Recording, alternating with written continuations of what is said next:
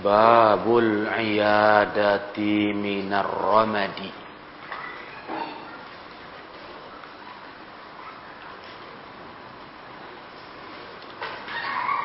Bab menjenguk orang sakit karena sakit mata.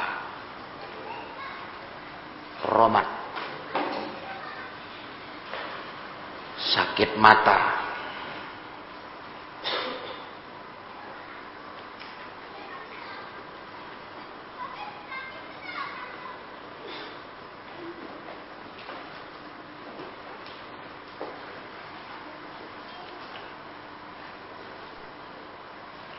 An Zaid bin Arqam Qala dari sahabat Zaid bin Arqam radhiyallahu taala anhu beliau berkata Ramidat aini fa'adanin nabiyyu sallallahu alaihi wasallam mataku sakit.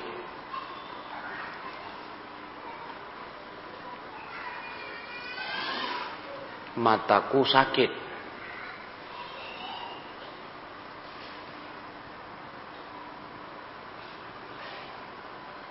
Maka Nabi Shallallahu Alaihi Wasallam menjenguk menjengukku.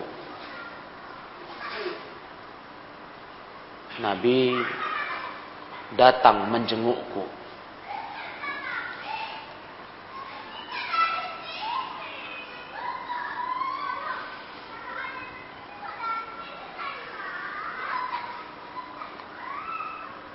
Eh, riwayat ini menunjukkan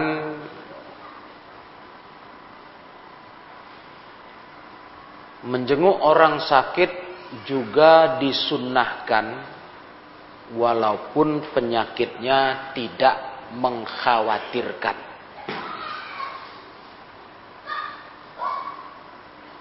Menjenguk orang sakit disyariatkan walaupun penyakitnya tidak mengkhawatirkan.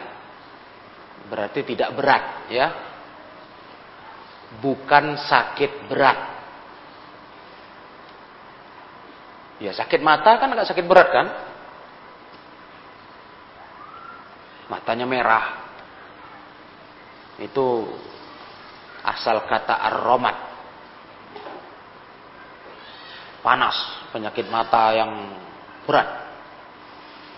Terasa mata itu berat, merah. Ini orang kalau sakit mata itu ruku sujud itu mau copot dia rasanya. Tapi kayak mana pun ceritanya itu nggak membahayakan, tidak penyakit berat ya. Tidak istilahnya mengkhawatirkan. Ya, sakit sakit ringan lah itu dikatakan. Ya kan? Tidak mengancam nyawa, istilahnya kan begitu. Tetap saja disyariatkan disunahkan istihbabul iyadah disunahkan menjenguk orang sakit seperti itu. Ya. Karena Nabi menjenguk sahabat Zaid bin Arqam. Padahal cuma sakit mata. Nah, jadi pelajaran kita tentang menjenguk orang sakit ini juga sakit yang tidak tidak mengkhawatirkan. Ya, karena ada orang berpendapat pendapat yang cukup tersebar di kalangan sebagian manusia katanya menjenguk orang kena sakit mata iyadatun al-iyadah fir romat itu katanya khilafus sunnah menyalahi sunnah Ada pendapat begitu. Jadi hadis ini membantah pendapat itu. Bagaimana menyalahi sunnah? Sedangkan Rasulullah saja menjenguk orang sakit mata. Nah,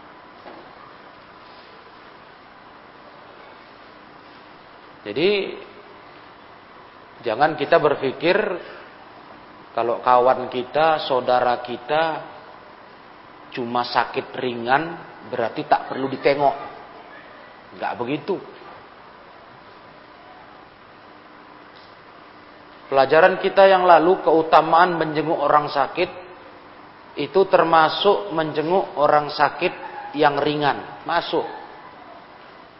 Bukan hanya orang sakit berat, sakit yang mengkhawatirkan. Sakit ringan juga.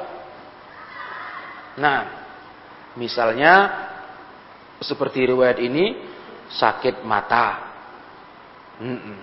Sakit mata. Nah, itu dia faedahnya. Karena kita pun tidak tahu. Namanya orang kalau udah nggak sehat itu ya bisa saja kapan saja Allah panggil dia. Namanya udah nggak sehat. Nah, jadi sudah seharusnya lah kita melihatnya menjenguknya. Kadang-kadang sesuatu penyakit yang dipandang enteng itu penyebab kematian. Bisa jadi. Nah, sehingga tuntunan sunnah menjenguk orang sakit juga berlaku untuk sakit-sakit ringan. Seperti sakit mata. Ini sakit ringan sebenarnya tidak mengkhawatirkan. Ya. Nah, begitu. Kemudian hadis berikutnya an Anasin qol dari sahabat Anas beliau berkata Anas bin Malik Sami'tu Nabiyya sallallahu alaihi wasallam yaqul. Aku mendengar Nabi Sallallahu Alaihi Wasallam pernah bersabda, Qala Allah Azza wa Jalla, Allah Ta'ala berkata, hadis apa namanya ini? Qudsi. Idak talaituhu bihabibataihi. Apabila aku menguji hamba, ibtalaituhu Aku menguji hamba dengan kedua kesayangannya, habibatai. Maksud kesayangan di sini yuridu ainaihi. Kedua matanya yang dimaukan di sini kedua matanya. Allah uji sampai buta dicoba Allah seorang hamba dengan ujian matanya buta. Itu makna ibtalaituhu. Dan mata itu adalah anggota tubuh yang termasuk yang paling kita sayangi. Ya kan? Nah, karena kalau udah namanya nggak bisa melihat, mana enak lagi hidup? Tak bisa melihat dunia ini. Nah, gelap aja semua. Jadi ini termasuk yang paling disenangi, disayangi manusia. Anggota tubuhnya adalah mata. Ainaihi. Diuji Allah sampai buta. Thumma sobaro. Kemudian dia sabar. Sabar. Maka Allah katakan, awat tuhul jannata. Aku ganti kedua matanya itu dengan surga. Itu balasannya. Memang nggak mengancam nyawa orang buta, tapi kan hilanglah kenikmatan hidup ini sudah. Nggak nampak, nggak bisa melihat. Nah itulah salah satu keutamaan orang buta. Kalau sabar, Allah gantikan baginya dengan surganya. Masya Allah. Hmm. Jadi kalau kita teringat buta ini, kita teringat Syekh bin Bas, Abdul Aziz bin Abdullah bin Bas.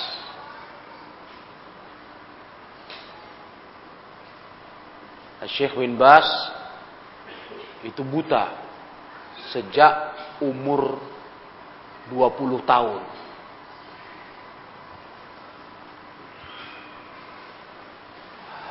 Syekh bin Bas umurnya 90 tahun waktu meninggal. Meninggalnya tahun 1999 yang lalu. Ya. 1999 yang lalu. Belum lahir kalian lagi. Dia udah meninggal. Umur 90 tahun meninggalnya. Sejak umur 20 tahun buta. Berarti berapa tahun beliau buta? Hah? 70 tahun. Coba yang lihat. Masya Allah. Itu sejak sebelum 20 tahun udah mulai rusak mata beliau. Akhirnya umur 20 tahun buta. Buta total. Itu Syekh bin Bas. Tapi Masya Allah. Beliau seorang ulama besar. Ahli hadis, ahli fikih. Wah banyak sekali keilmuan beliau. Dan terkenal sebagai ulama ahli sunnah yang terhormat. Nah, tapi buta. 70 tahun buta bayangin Udah nggak tengok apa-apa beliau. Itu Syekh bin Bas. Lahir tahun 1909 Masehi. Nah, meninggalnya tahun 1999. Ya 90 tahun. 70 tahun buta. Nah, Masya Allah ya. Itu Syekh bin Bas rahimahullahu taala. Nah, memang nggak mengkhawatirkan mata ini, nggak mengancam nyawa, tapi sangat menghilangkan kenikmatan hidup kalau mata sakit. Kalau sampai buta. Ya. Hilang nikmat hidup. Nggak nampak semua gelap semua, tak tahu lagi apa pun di sekelilingmu. Nah, tapi kalau sabar, orang buta itu kalau sabar dia, Allah ganti mata yang buta itu dengan surga, dijamin itu. Itu kata Allah di hadis qudsi, awaktuhul jannata, ku ganti dengan surga. Sabar. Dan orang buta punya kelebihan, ingatannya kuat karena yang berfungsi hanya telinga. Ya. Nah, dari mata nggak ada yang dia tahu, dia tengok, nggak ada yang terekam dari pandangan mata, tapi dari telinga. Makanya dia lebih ingatannya tajam. Nah, itulah nikmat kenikmatan Allah untuk orang yang buta. Tapi harus sabar. An Abi Umamah anin Nabi sallallahu alaihi wasallam. Dari Abu Umamah dari Nabi sallallahu alaihi wasallam. Yaqulu yaqulullahu Allah berkata masih hadis hadis qudsi. Kata Allah ya bena Adam hai anak Adam Idza akhadtu karimataika kalau aku ambil karimataika, karimataika. Maksudnya mata. Karimatai. Karimah, karimataini. Nah, itu maksudnya mata. Dua yang mulia. Dua yang istimewamu. Ku ambil Artinya kau jadi buta. Hmm. Karena mata ini istimewa. Diambil Allah kenikmatan mata. Jadi buta. Fasobarta inda sodmati. Kamu sabar ketika ditimpa buta itu. Sabar kau. Sabar. Nah, tidak berkeluh kesah tidak cakap yang jelek, sabar. Hmm. Wahtasabta dan kau mengharap pahala. Maka kata Allah, lam ardolaka sawaban dunal jannah. Aku tak ridho kau dapat pahala selain surga. Gak mau Allah ngasih pahala lain untukmu balasannya. Hanya satu balasanmu, surga. Masya Allah orang buta itu. Tapi memang harus sabar. Bukan ringan jadi orang buta itu. Cobaan berat. Tapi kalau sabar, nggak Allah kasih kau balasan apa pun kecuali surganya. Ya, jadi dua riwayat ini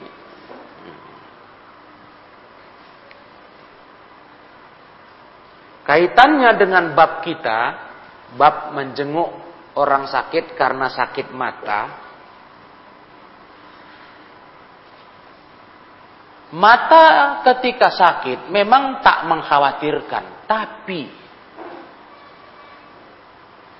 mata yang sakit apalagi sampai buta itu termasuk musibah yang paling besar.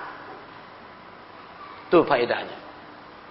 Maksudnya jangan kalian sepelekan, hanya sakit mata aja kok dia. Eh jangan, itu kalau mata sampai buta, itu musibah besar bagi hidup saudara kita. Musibah besar. Makanya diganti Allah dengan surga. Memang nggak mengancam nyawa. Jarang-jarang orang mati karena sakit mata.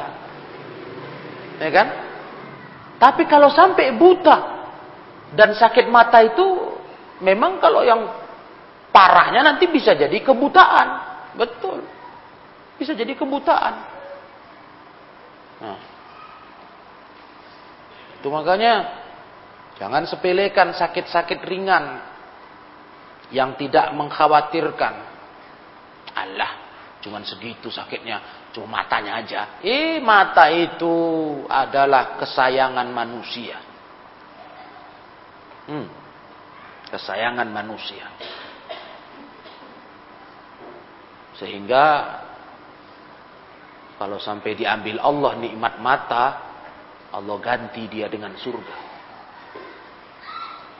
Nah, apalagi yang sempat melihat dia sempat nengok dunia, tahu-tahu buta. Tahu-tahu matanya rusak pelan-pelan sampai buta. Waduh. Kalau dari kecil dia buta, mungkin dia memang nggak tahu dunia sama sekali ya kan.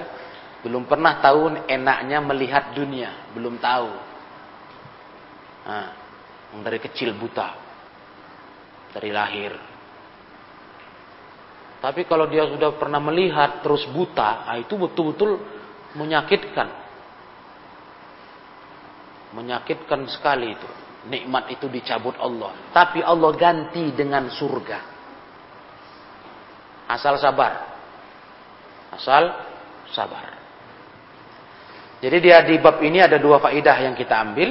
Satu faidah menjenguk orang sakit walaupun sakit tidak mengkhawatirkan nyawa tidak mengkhawatirkan nyawa hilang. Yang kedua, bahwasanya mata kalau ditimpa musibah buta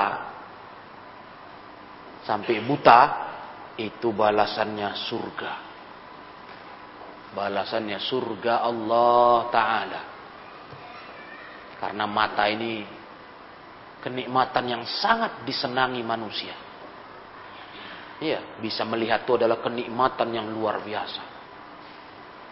Nah, inilah istimewanya mata kita dikasih Allah.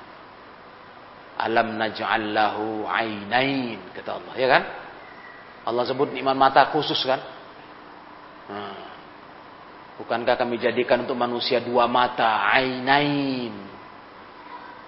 Disebut khusus mata. Nah, walisana wasyafatain lisan di kami kasih lisan dan bibir. Nah, salah satu nikmat lainnya adalah bisa bicara bisa ngomong.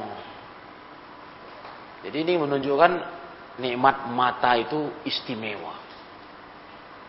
Ya, makanya kalau mata sakit, memang tidak membahayakan nyawa, tapi itu bahaya kalau sampai hilang, musibah besar, termasuk dari al-masaib, musibah-musibah yang besar. Ya. Bukan musibah yang enteng itu kalau mata hilang.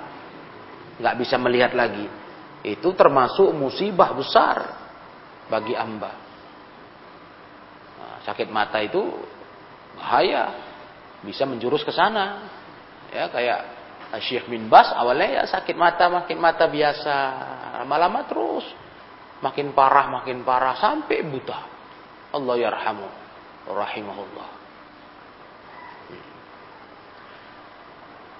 Tapi paham bab ini semua? Ya, intinya jenguklah orang sakit, cari pahala. Walaupun sakit ringan. Cari pahala dari Allah Ta'ala. Dengan melihat yang sakit. Berikutnya babu aina yaq'udul aid. Bab di mana orang menjenguk itu duduk. Kalau datang nengok orang sakit, duduk di mana? Kita ke rumah orang sakit nih, kita duduk di mana waktu nengok dia, gitu. Ani bin Abbas dari Ibnu Abbas, semoga Allah meridhai keduanya. Qala Karena Nabi sallallahu alaihi 'adal marida jalasa inda ra'si. Bahwasanya Nabi sallallahu alaihi wasallam kalau menjenguk orang sakit Rasul duduk di arah kepalanya, di sisi kepalanya. Berarti orang sakitnya terbaring ini, tergolek lah ya. Kalau masih duduk, ya nggak usah. Ini tergolek dia di, di tempat tidur. Nah, Rasul itu duduk di dekat kepala. Nah, gitu. Thumma qala sab'a mirar. Kemudian Rasul berucap sampai tujuh kali. Rasul bacakan. Nah, ini yang harus juga kita praktekkan. Doa waktu nengok orang sakit. Beberapa kalimat untuk nengok orang sakit sudah kita lihat. Ya, la ba'sa tahur insyaallah ya kan? Ada lagi mendoakan kesembuhan untuk dia. Apa bacaannya? As'alullahal azima rabbal arsyal azima Rabbal arsyil azimi ayyashfiyaka. Aku mohon kepada Allah yang maha agung Rabb pemilik arsh yang besar agar dia menyembuhkanmu. Itu sambil duduk di dekat kepalanya. As'alullahal azima rabbal arshil azimi ayyashfiyaka. Begitu. Kalau kalian nengok kawan sakit, di arah kepalanya doain dia. Nah, bisa dipegang kepalanya, bacakan doa ini. Fa'inkana fi ajalihi ta'khirun. Kalau ternyata ajalnya masih ada, yakni masih tertunda, yakni belum tiba, gitu maksudnya. Takhir. Ajalnya belum tiba, masih belum datang, terlambat. Maksudnya kan gitu, takhir itu. Yakni belum tiba, belum sampai. Maka ufiya min wajahihi. Dengan doa itu dia akan diberi kesembuhan. Ufiya diberi kesembuhan dari sakitnya. Hmm, itu hebatnya doa itu. Dibacakan tujuh kali. Oh, sama Nabi.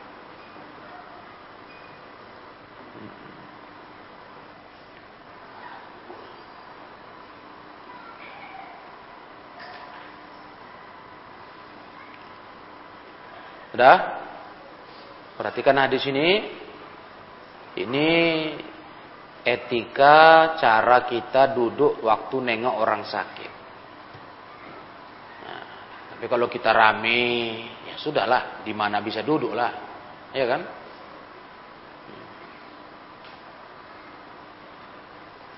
Kalau dapat dekat kepala, kayak Rasulullah itu. Di situ kita doakan dia, bacakan tujuh kali. As'alullah al-azima Rabbal arshil azimi ayyashfiyaka. Baca lagi tujuh kali.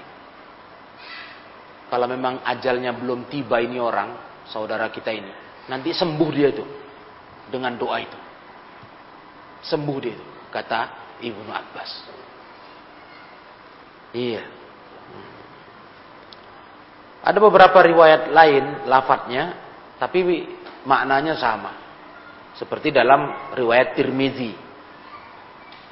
Nah, lafadznya begini, "Ma min 'abdin muslimin ya'udu maridan lam yahdur ajaluh." Tidaklah seorang hamba muslim menjenguk orang sakit yang belum tiba ajalnya Berarti masih ada umur dia. Belum tiba ajalnya. Fayaqulu sab'a marrat. Dan dia bacakan tujuh kali. As'alullah al-azima rabbal arshil azimi ayyashfiyaka illa ufiya. Baca itu tujuh kali. Kecuali orang sakit itu akan disembuhkan Allah. Hmm. Coba bayangkan, satu orang bacakan, nanti kawan lain bacakan, yang lain bacakan. Kan Masya Allah, cepat baik kawan kita, ya kan? Cepat baik yang sakit itu. Nah, banyak doa-doa dari para penjenguknya. Begitu. Nah, ya, ada kawan sakit, datang kalian ke dia, nah, bacakan doa ini. Bacakan tujuh kali. Biar cepat dia sembuh. Ah, begitu. Ya, dihafal doa ini. Hafal oleh kalian. Karena ringkas, gampang dibaca. Mudah. Khasiatnya hebat. Sepanjang kawan kalian ini masih belum tiba ajalnya, sembuhlah dia nanti dengan doa itu. Nah, Begitu pula riwayat berikutnya Anir Rabi bin Abdullah qala dari Rabi bin Abdullah beliau berkata Zahabtu ma'al Hasan aku pernah pergi dengan Al Hasan ila Qatadah pergi menjenguk Qatadah na'uduhu kami menjenguknya sama-sama nengok orang sakit ya Faqa'ada inda ra'si, maka beliau duduk di sisi kepalanya. Siapa yang duduk? Al Hasan, ya kan? Yang sakit siapa? Qatadah.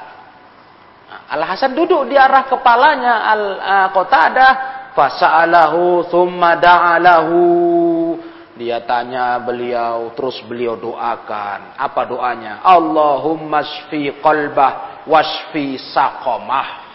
Ya Allah, sembuhkanlah hatinya, sembuhkanlah sakitnya. Nah, itu bacaan Al-Hasan. Yang intinya minta kesembuhan juga dari Allah. Begitu memang adab kita menjenguk orang sakit ya. Kasih semangat dia. Udah belajar kita pelajaran yang lalu. Orang sakit itu kasih semangat kasih cerita-cerita yang dia bikin semangat. Hmm. Nah, dan yang lebih penting dari itu, kasih dia doa. Kasih dia doa. Ya. Ya Allah sembuhkan penyakitnya Allah. Ya Allah sembuhkan penyakitnya Allah masfi qalba wasfi saqamah. Nah. Atau boleh doa yang seperti ini atau doa yang tadi. Nah, boleh. Pokoknya doakan saudaramu cepat sembuh. Hmm. Begitu. Itu adab Islam ketika menjenguk orang sakit. Wallahu alam. Jadi sudah jelas ini ya. Sakomahu maksudnya sakitnya, marot. Al-marot.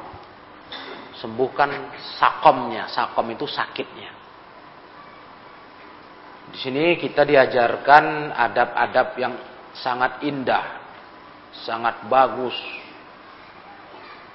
ketika mendapati kawan sakit. Nah, doakan dia, doakan dia. Iya jenguk dia, kasih semangat dia, kasih semangat biar sabar, ingatkan dia do, uh, apa sakit itu ngampuskan dosa, gitu gitulah. Hal-hal yang membuat dia jadi semangat badannya semangat untuk sembuh, gitu. Begitulah hubungan antar muslim sama kaum muslimin, sesama umat Islam, apalagi yang kita kenal dekat, eh, asdiqo, kawan-kawan, eh, karib kerabat, nah, itu biasakan untuk iyadatul marid, menjenguk yang sakit. Datang ke sana, adab-adab yang lalu apa itu? Datang ke sana, bawakan dia sesuatu, ya kan? Nah, buah tangan. Nah, nggak bisa dia yang jaga makan, ya kan? Nah, keluarganya, begitu. Nah, itu menghibur keluarga yang sedang bersedih karena ada yang sakit. Doakan dia, subhanallah. Taib. Jadi sudah selesai itu. Hmm. Terkait bab-bab tentang orang sakit dan menjenguk orang sakit. Berikutnya kita masuk kepada pelajaran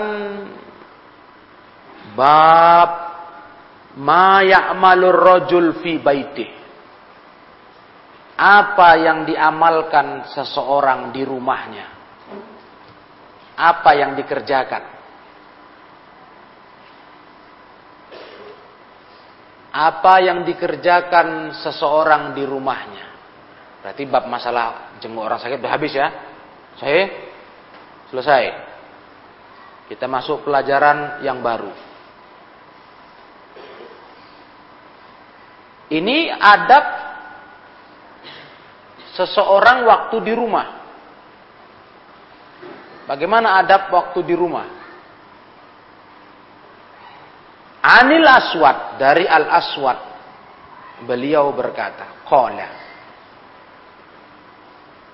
Sa'altu Aisyah radhiyallahu anha, aku tanya Ummul Mukminin Aisyah, semoga Allah meridhoinya. Maka yasna'un Nabi Sallallahu alaihi wasallam fi ahli.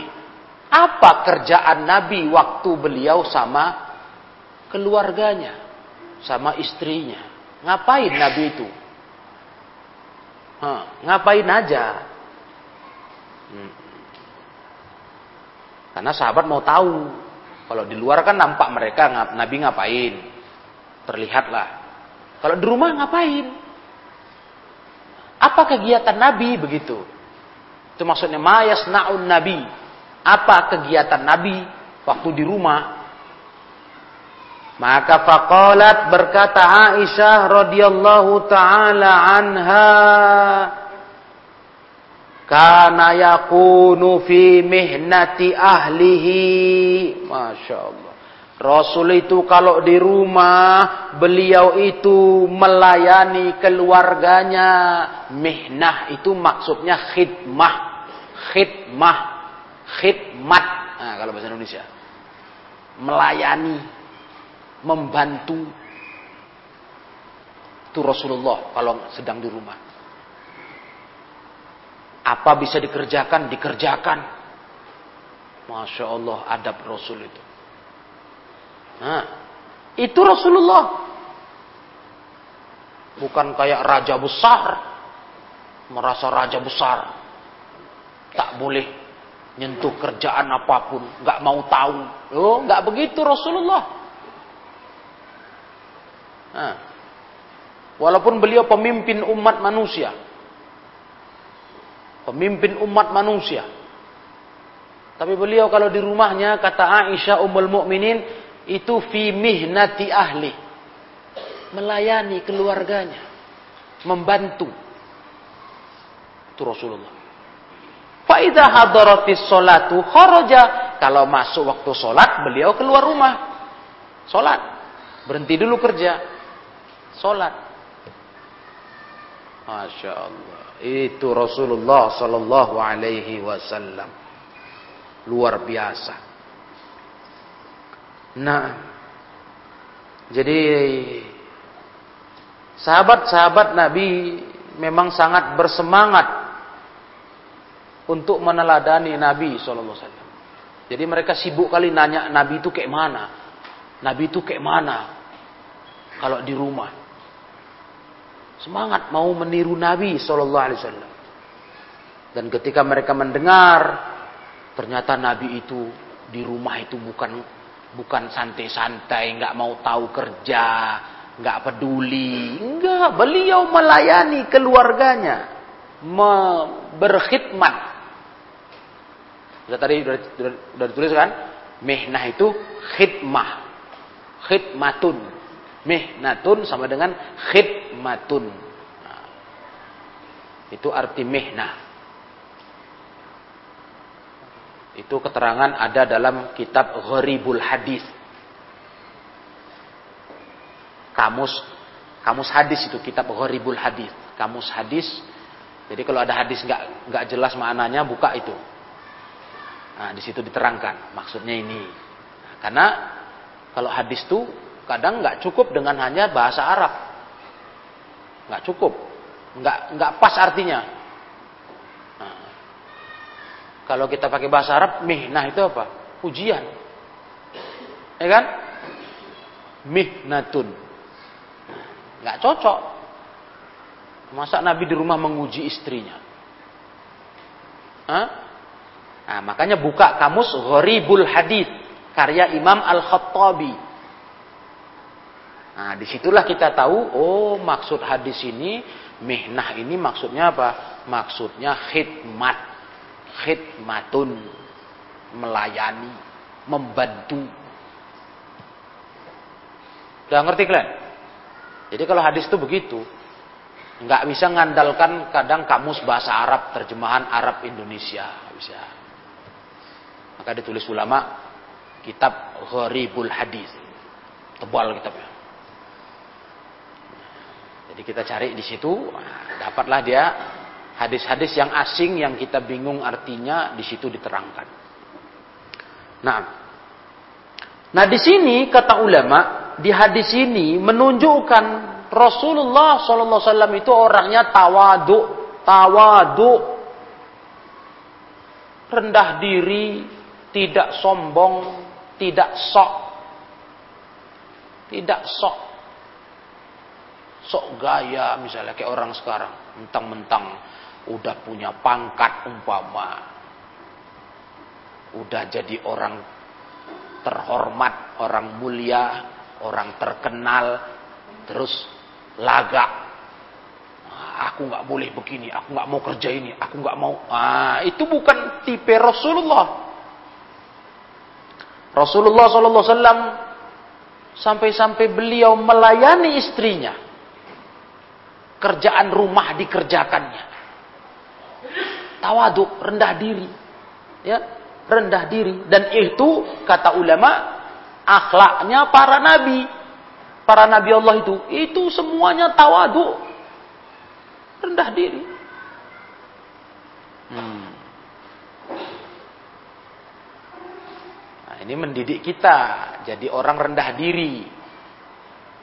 Jangan belagak, begaya, mentang-mentang dikit udah punya kerjaan hebat, banyak duit, di rumah sok raja, petentang petenteng ongkang-ongkang kaki. Hmm.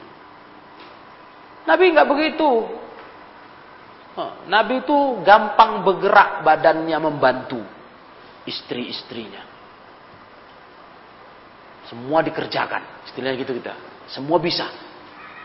Nah, itu Nabi Shallallahu Alaihi Wasallam, ya kan? Dan itu akhlaknya para Nabi. Mereka jauh dari hidup dengan tanaum, bersenang-senang, berlebihan, tanaum. Hmm. Nah, itu nggak begitu Nabi. Dan orang sekarang sering gitu. Orang sekarang mungkin agak heran ya. Kalau nengok nengok ada orang agak terhormat gitu terus kok mau dia di rumah uh, nyuci piring misalnya. Wah. Mungkin orang terkejut ya kan. Yuh, dia kan orang hebat. Masuk di rumah bantu istrinya cuci piring misalnya. Bantu nyapu rumah. Hah? Ngepel. Ah, mana pantas itu katanya. Loh. Itulah seharusnya. Karena Nabi SAW begitu. Nah, banyak gaya. Aku nggak cocok lagi ini sebagai orang hebat. Wah, kalian jangan begitu. Jangan bergaya kali. Nah, baru punya ilmu dikit, baru jadi orang sikit. Udah gaya semua, nggak mau tahu di rumah itu. Nah, petentang petenteng kata orang, ongkang-ongkang. Nggak gitulah. Tengok Nabi Sallallahu Alaihi. Ringan badannya bergerak bantu orang keluarganya. Hah. Bukan pemalas. Ya kan? Bukan pemalas. Itu Nabi Sallallahu Alaihi Wasallam. Nah. Hmm. Begitu pula hadis berikutnya.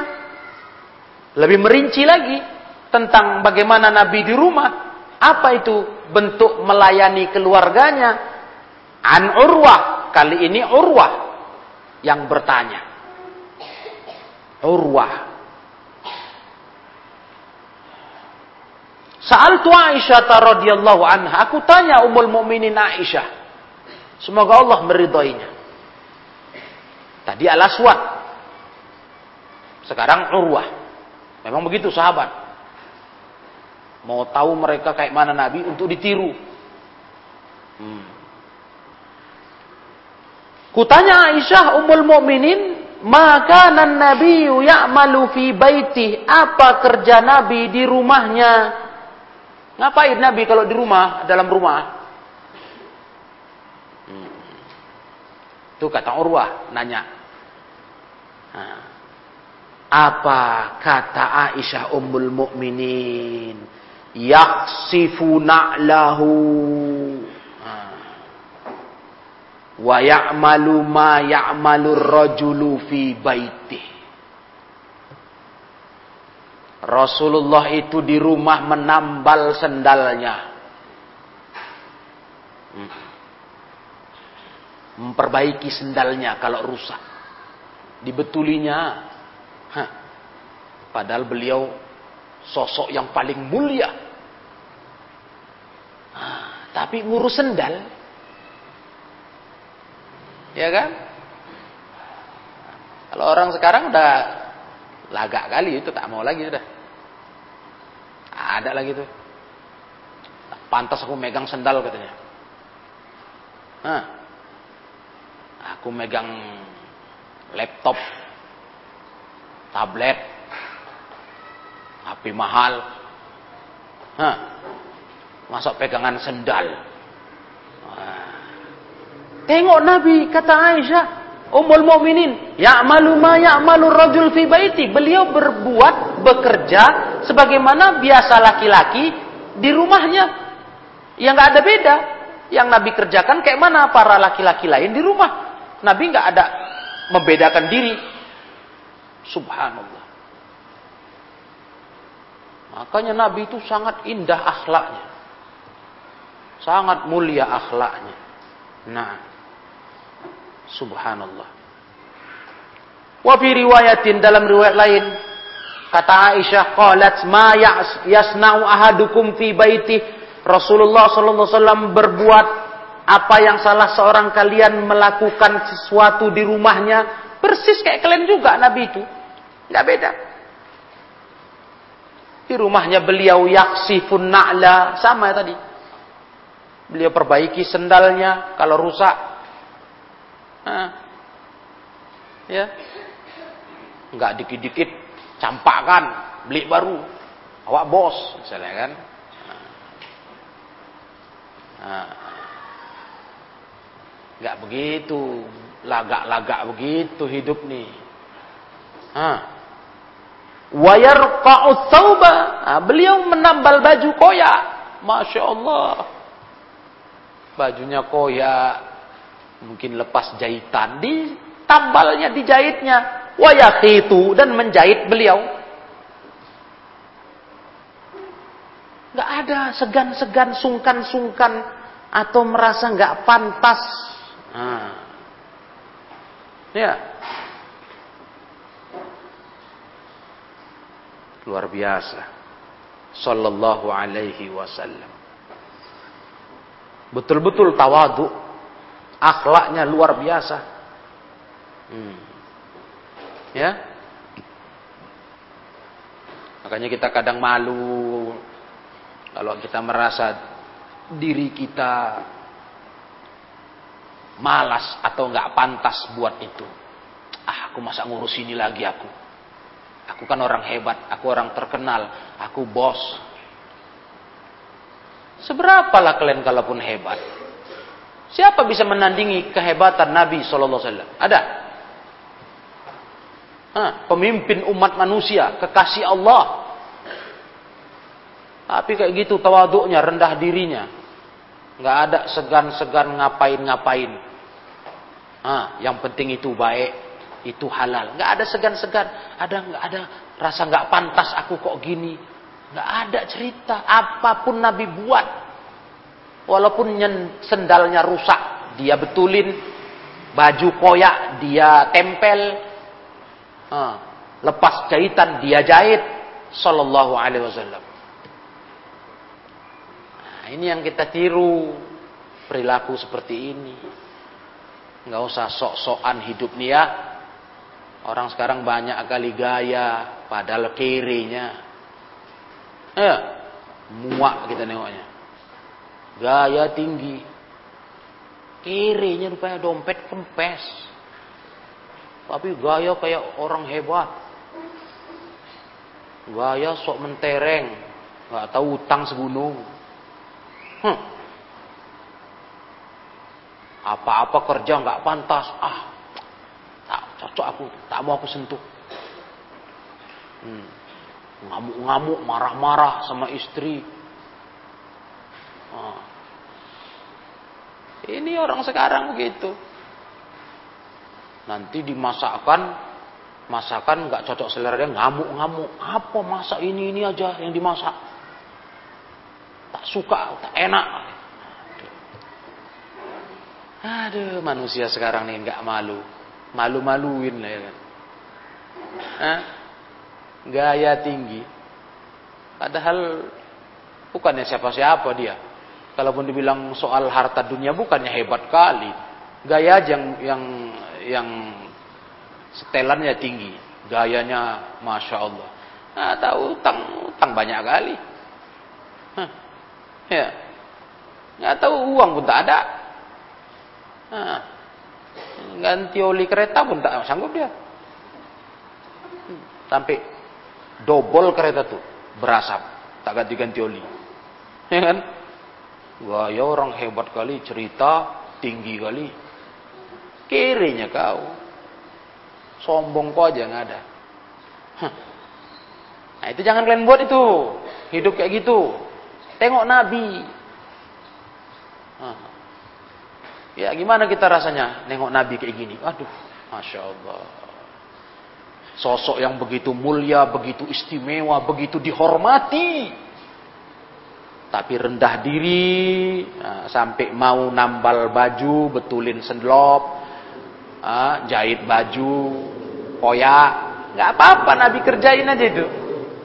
Nah, nggak segan, nggak sungkan, nggak merasa apa, nggak pantas, gengsi apa itu gengsi itu istilah orang sekarang, gengsi, gengsi lah awak orang hebat, masa sendal putus awak jahit, nah, misalnya gitu kan, masa baju koyak ku tempel, aku pula ngerjainnya itu, nah, jangan gaya hidup nih, jangan gaya, jangan sombong, teladani Nabi Sallallahu Alaihi Wasallam, teladani Nabi Sallallahu Alaihi Wasallam.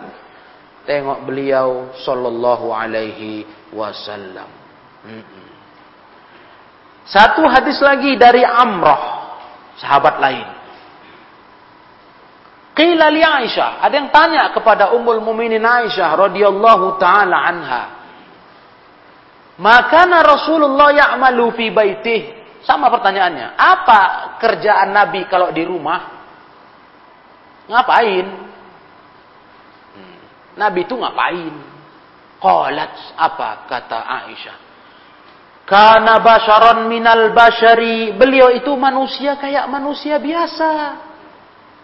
Ah, beliau itu hidupnya kayak manusia biasa. Basharon minal bashari. Ah. Yafli thawbahu wa yahlubu syatahu.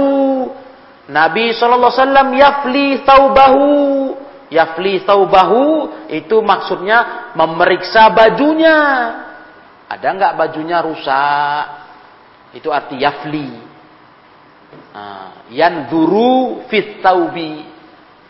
Beliau nengok-nengok bajunya. Ada nggak yang entah koyak, entah rusak, nah, dia tengok. Itu Rasulullah.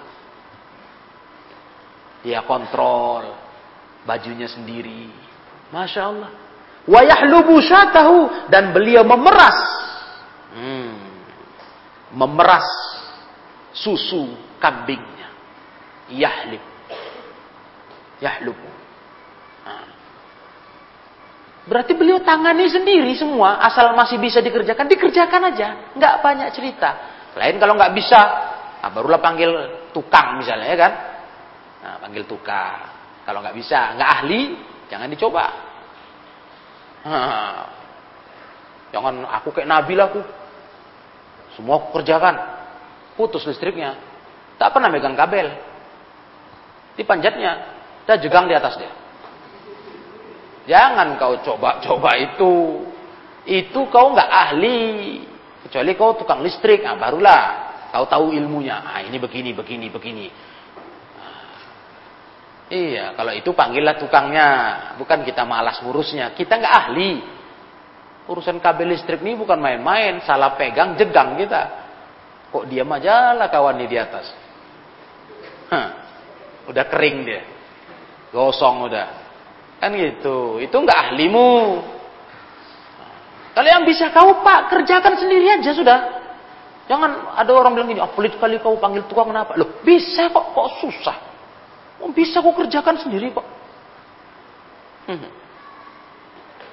Ya kan? Rasulullah aja ngurus baju koyak aja sendiri kok. Sendalnya rusak, putus, diurus sendiri kok. Bisa, asal bisa kenapa tidak? Ada orang pikiran gitu. Sikit-sikit harus bayar, panggil orang. Nah, kalau bisa kenapa tidak? Itu salah satu melatih diri tawadu, rendah diri. Walaupun kita bisa aja bayar orang. Hmm. Bisa aja. Tapi kita ingin merendahkan diri kita supaya jangan lagak, jangan timbul rasa sok. Nah, kita tundukkan diri kita, kita kerjakan hal-hal yang mungkin dipandang orang remeh. Kok itu dikerjakannya? Dia kan orang hebat. Nah, kita patahkan bibit-bibit sok itu di hati kita. Nah, itu. Biar jangan kita kalah dengan penyakit sombong. Nah, subhanallah. Jadi dari hadis-hadis ini nampak betul ya. Nampak betul adab Nabi itu luar biasa. Luar biasa. Sehingga beliau bukan orang yang sifatnya minta dilayani aja. Mentang-mentang bos besar misalnya kan, tokoh besar, pemimpin manusia, nah, terus semuanya mau tinggal perintah, perintah, perintah. Gak gitu. Dikerjakan asal bisa dikerjakan. Ringan tangan beliau bekerja. Nah, jadi ini bab Masya Allah. Walaupun seorang laki-laki itu adalah pemimpin keluarga. Nah, ada rakyat yang dia pimpin, istri dan anak-anak. Tapi dia nggak semuanya dia serahkan ke istrinya. Dia yang bisa dia kerjakan, kerjakan. Nah, kenapa tidak? Orang pandi kok. Kan gitu kan. Orang pandi kok payah. Kalau nggak pandi baru jangan tadi ya. Nah, kan kalau nggak pandi. Kalau pandi kenapa rupanya? Oh, kerjaan bisa dikerjakan kok gengsi. Hah? Paham ini? Ini jadi sifat kita maunya hidup ini. Begitu. Dalam rangka mematahkan rasa sombong tadi. Salah satunya. Rasa tinggi diri. Yang sering menghinggapi hati manusia. Itu penyakit hati. Taib. Nah, jadi sudah sampai di sini pelajaran kita Berarti itu bab yang 218. Ya. Di kitab kalian nomor berapa itu? 217.